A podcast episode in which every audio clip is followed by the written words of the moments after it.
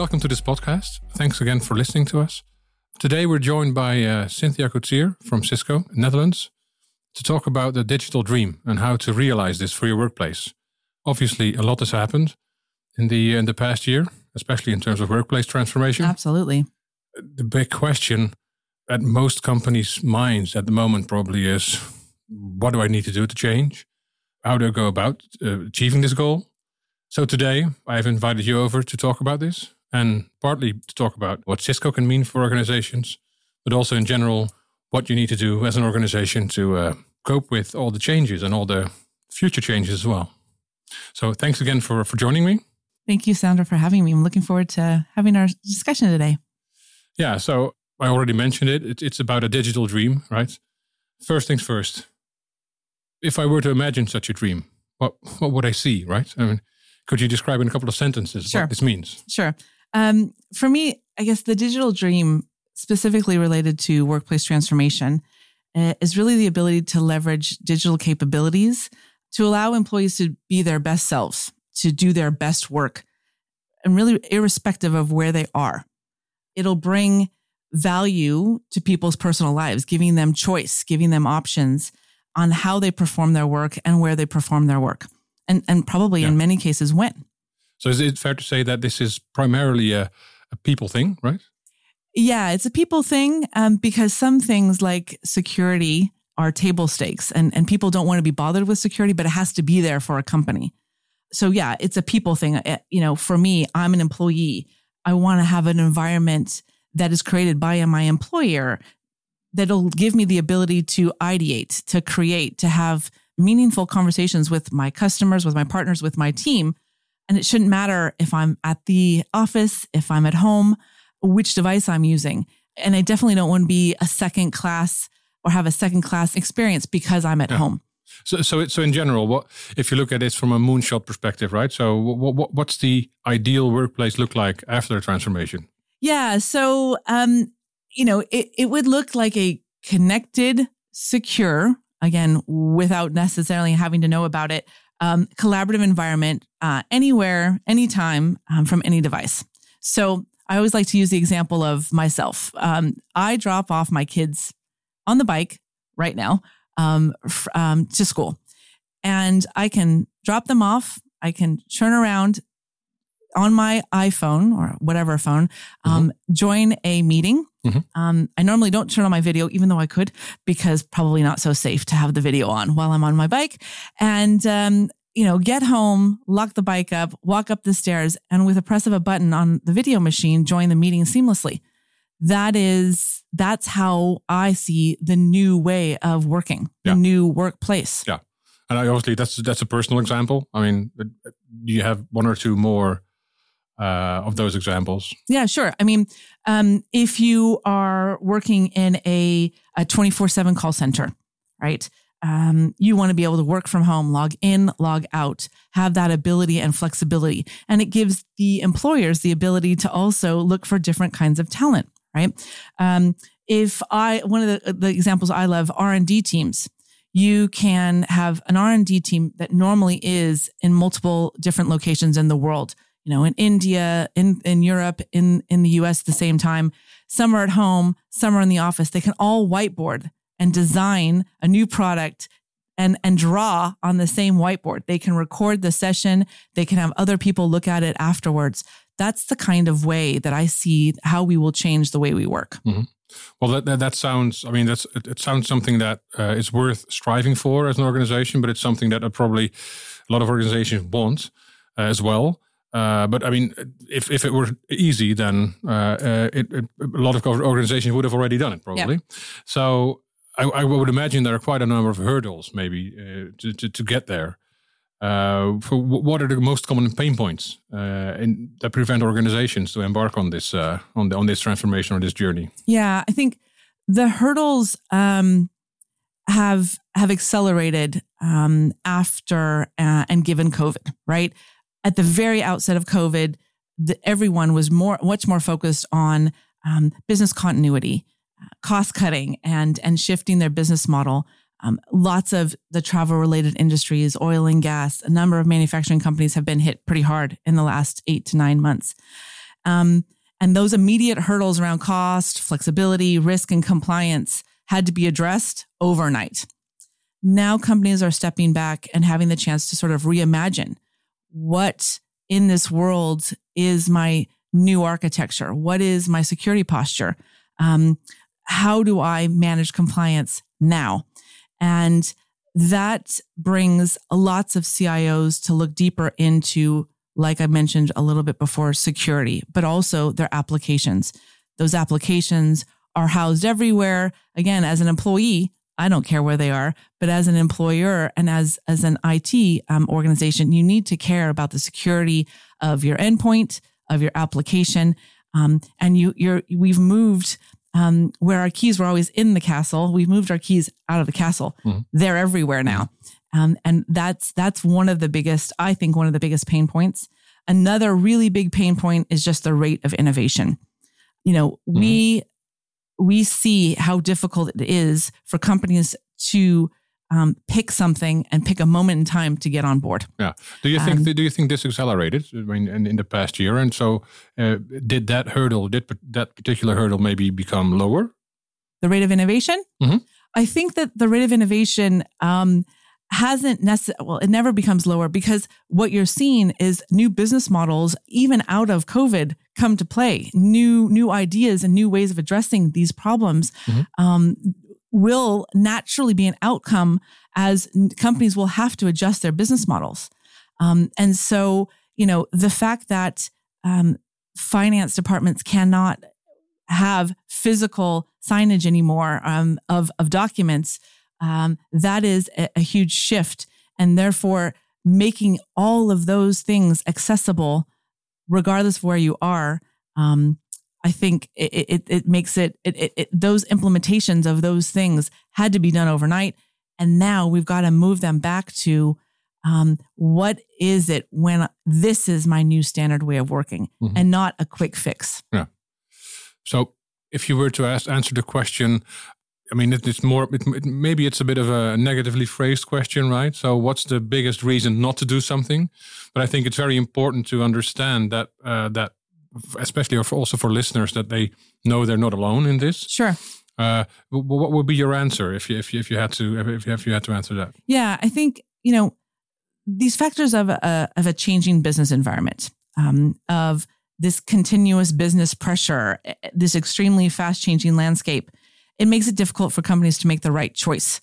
Um, and it's not for lack of wanting to drive innovation, right? Mm-hmm. But the workplace transformation, um, it touches so many different yeah. parts of the organization, uh, facilities, you know, um, human resources, IT security, workplace resources. This is not just an IT project anymore. Mm. Um, it grows from its original scope and then the new players, the new stakeholders involved have different priorities. They have a, a different language. They use a different language. And so it's hard to come to a common understanding yeah. and agreement as to what we want to accomplish. Yeah, because I, I imagine conceptually it's uh, it's it's quite straightforward, right? I mean, I, I would imagine. I mean, I'm, I'm, assuming here, and obviously that's that's dangerous. But uh, many organizations want this, right? They they want to move up on and on in the world. They want to to to innovate. They want to do this. So conceptually, that's all quite easy to understand, I think. But let's make it a bit more concrete now, mm-hmm. right? So is there a blueprint for, for, for doing this? Yeah, I wish there was. No, normally there's no blueprint. Um, and, and that's really due to our customers' organizations. They all prioritize um, and lay emphasis on how they want to support their company cultures in different ways. Um, and from an IT perspective, our customers' environments are truly very complex. Um, and most of them are a product of lots of mergers and acquisitions and divestments, right? But what's important um, when a company gets started down this down this path is to understand that everyone's embarking on a journey. This isn't just one part of the company that's embarking on this journey, right? These tools may be provided by IT. Yeah, so it's explicitly not an IT it's problem not, per se. It cannot be possibly an IT problem. The IT team is there to, of course, create and facilitate and let the technology be available um, in order to allow the teams to better collaborate, in order to allow um, to have the right security posture, to have access to the right types of documentation, um, to make sure that um, they're at all times managing the keys to yeah. the castle. So realizing this digital dream is very is a very important step in also in bridging the gap between your business and your IT departments inside your organization as well. I would imagine. Absolutely, absolutely, and, and I think what you see is the most successful um, attempts or most successful ways that this gets done. You almost always see an executive sponsor of some type, and that normally that executive sponsor is going to be crossing a multiple different functions in that they need to make sure they're they're walking the talk. They need to make sure they're emphasizing the importance of this change, that their working practices and that their rituals will be changing um, on on the basis of the new technology that's available to them. Yeah, so, so if you, uh, for example, if you if you want your employees to switch on their cameras while while they uh, uh, uh, while they have a meeting, then as an as as, a, as an executive, you should also do that. That's... Absolutely, absolutely. If you if you're not uh, if you're not showing that this is the new way we're going to be doing things, yeah. um, adoption. I think I I, I te- we tend to see that adoption just doesn't pick up in in the way that you would expect it to. But still, right? If there's no blueprint, uh, then um, uh, then where where do you start, right? How is is it possible to chop things up into digestible pieces, for example? Uh, I, I, would imagine that there's not it, it's not possible to have one executive sponsor uh, overseeing the entire transformation.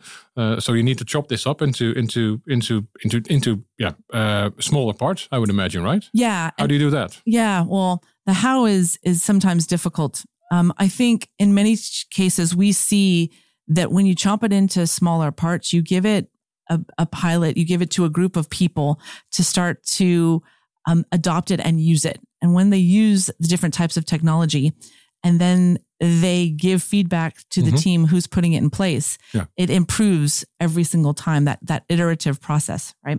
And so, um, and then and then uh, if if not the how, then maybe the what. So, what are the the specific pieces that you that you need to identify that you need to to chop your organization up into yeah. to, to actually go about starting this uh, this transformation. Well i think we see four specific customer care abouts right? And that's and we've been talking a lot about the empl- empowering the teams.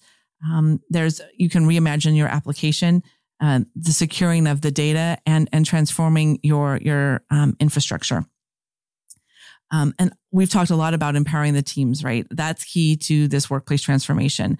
Um, and it's beyond like just collaborating and sharing information and experiences, um, but it's important for employees to feel productive. So having access to the data um, in a convenient way through a single platform um, allows them to do their work more productively.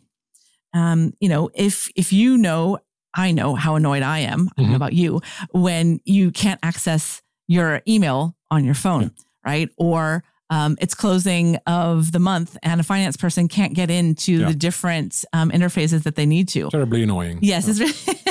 So, you know, applications, of course, are becoming our customers' business, but they're just as important to employees to act on their core processes.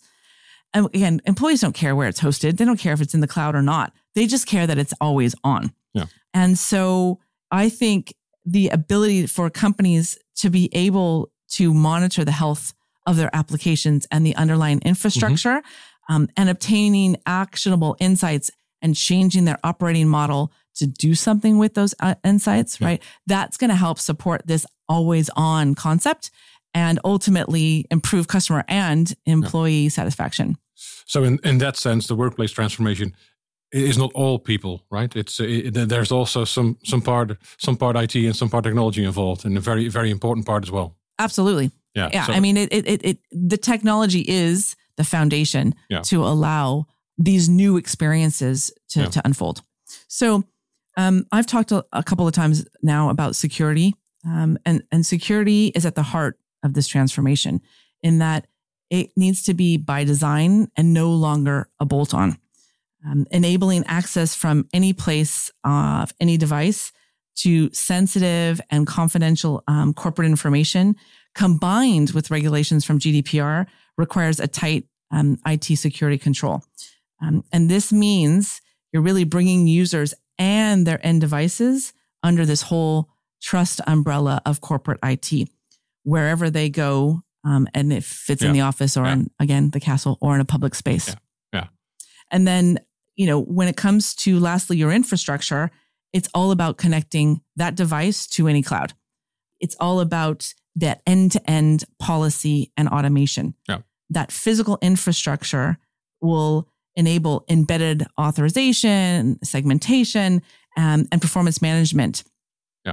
Um, and the adoption of cloud based security, again, back to those Mhm, applications. Yeah. Um, you know, those solutions support and maintain Yeah. um, the the security posture for employees on site and and Yeah. at home.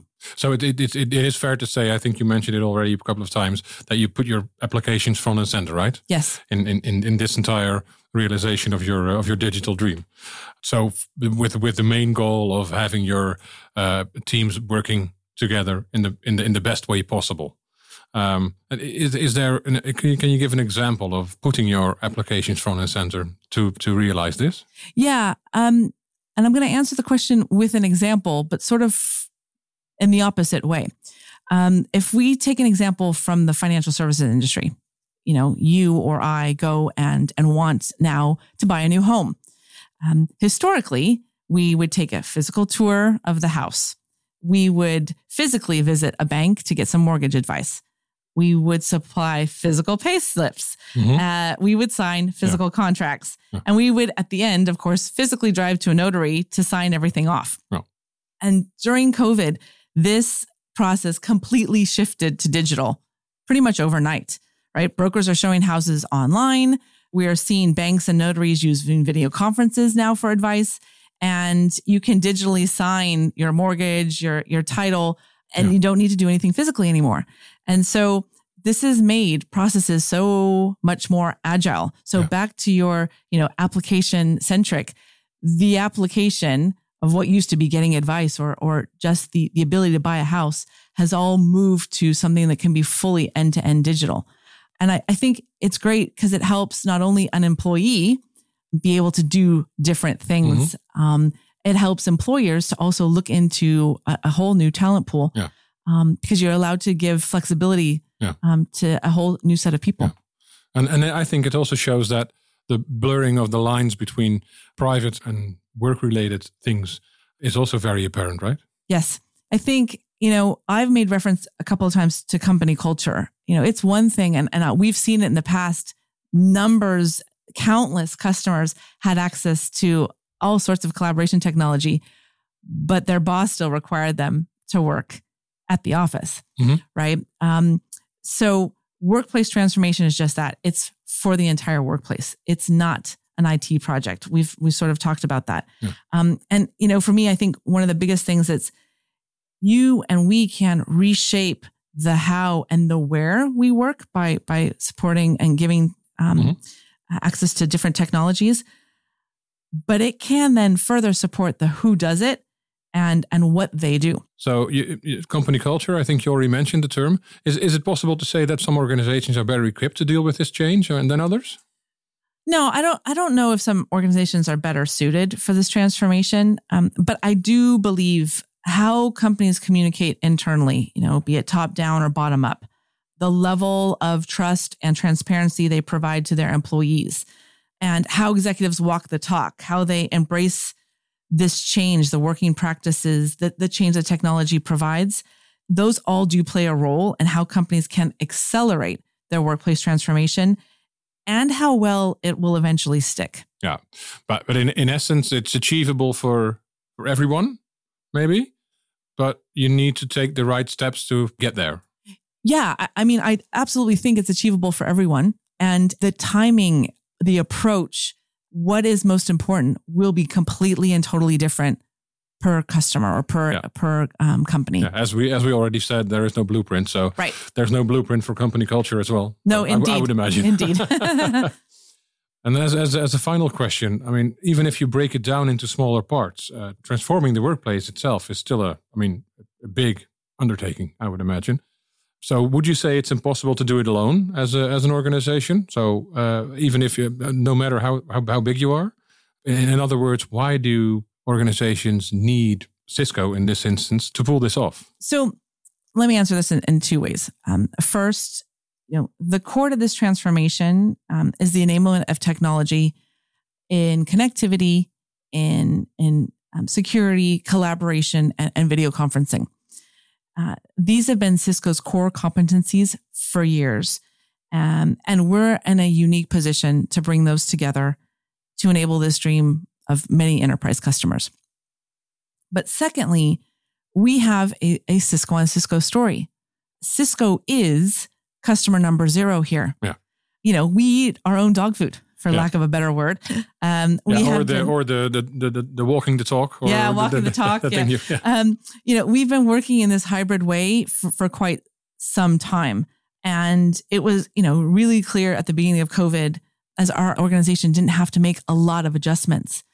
I'm, I'm never asked, "Am I doing my work?" Right? That that culture that we have just assumes you are. And so it's more output driven than physically being somewhere you know, we're keen to share and we do share our lessons learned, our experiences, but not just with IT. We align our workplace resources with our customers' workplace mm-hmm. resources. Mm-hmm. We've aligned our HRs or we'll align yeah. real estate to share those experiences and exchange ideas in order to support our customers, again, beyond IT on, on their own workplace journey and, and in true partnership, um, helping them yeah. to come to, um, their next level of digitization. So, so, in that sense, you're a vital part of realizing this digital dream as well. Just like in, internally inside organizations, you need sponsorship from executives. You need you need buy-in from all the stakeholders. But a company like Cisco is also a stakeholder in realizing this. Absolutely. Yeah. And like I mentioned, you know, we eat our own dog food. So as an employee of Cisco yeah. who can also offer these technologies, we're using them, we're we're constantly uh, improving them, and we are an integral part of the feedback that goes into making these technologies what they are. Well, I, I think we've come full circle with this conclusion that not only the various uh, parts of the organization internally need to be on the same page and work together and share concepts and ideas and look at how to realize this digital dream, but also Cisco helps to realize this. Yes, and we appreciate doing that. Cynthia, thanks for coming. Again, uh, thank you, Sander, for having me. It was a pleasure. And thank you for listening. And I hope you tune in next time.